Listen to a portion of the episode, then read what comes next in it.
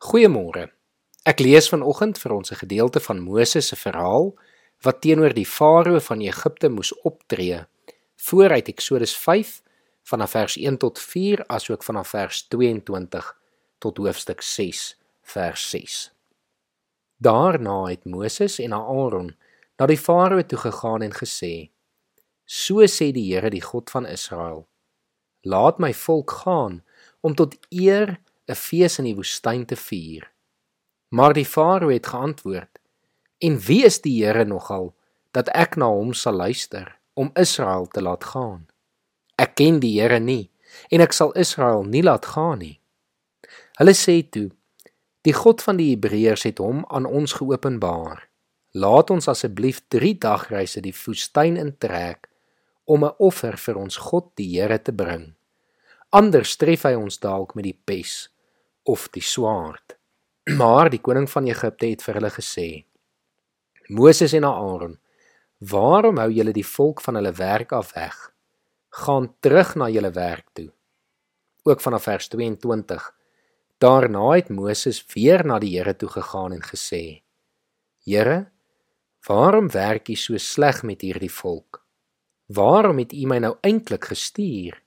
Van die eerste oomblik af dat ek by die farao gekom het, om in u naam te praat, het hy hierdie volk mishandel. Tog het u niks gedoen om die volk te red nie.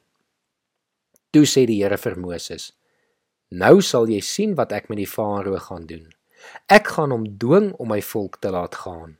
Ja, ek gaan hom dwing om hulle uit sy land uit weg te jaag. God het vir Moses gesê: Ek is die Here. Ek het aan Abraham, Isak en Jakob verskyn as God die Almagtige, maar my naam, die Here, het ek nie aan hulle bekend gemaak nie.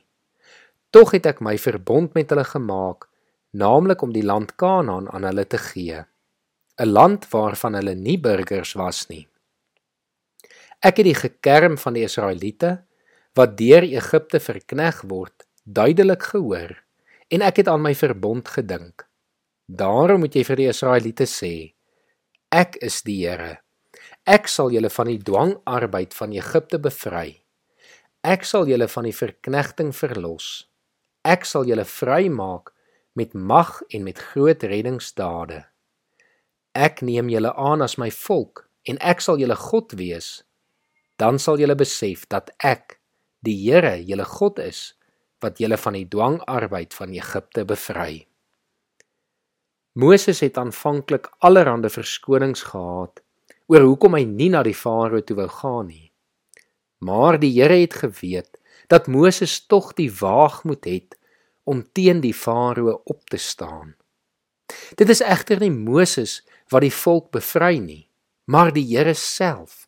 Ons sien in hierdie gedeelte dat Moses by die Here gaan pleit en vir hom sê: "Maar Here, hoekom doen U nog nie iets nie? Die farao steur U nie aan U boodskap nie." En dan sê die Here: maar nou gaan ek die volk verlos. Moses was dus maar net 'n instrument in God se hand, 'n boodskapper om die boodskap van bevryding aan die farao en aan die Israeliete oor te gaan dra en te verkondig. En so kan ek en jy ook daarna streef om instrumente in God se hande te wees wat toelaat dat God deur ons mense kan verlos. Mag ek en jy vandag die boodskap van bevryding aan diegene rondom ons gaan oordra. Kom ons bid saam. Here baie dankie dat U ons vrygemaak het, dat U ons verlos het, net soos wat U destyds die Israeliete uit Egipte ook verlos het. Here dankie dat ons bevry is van 'n slawe juk, die slawe juk van sonde.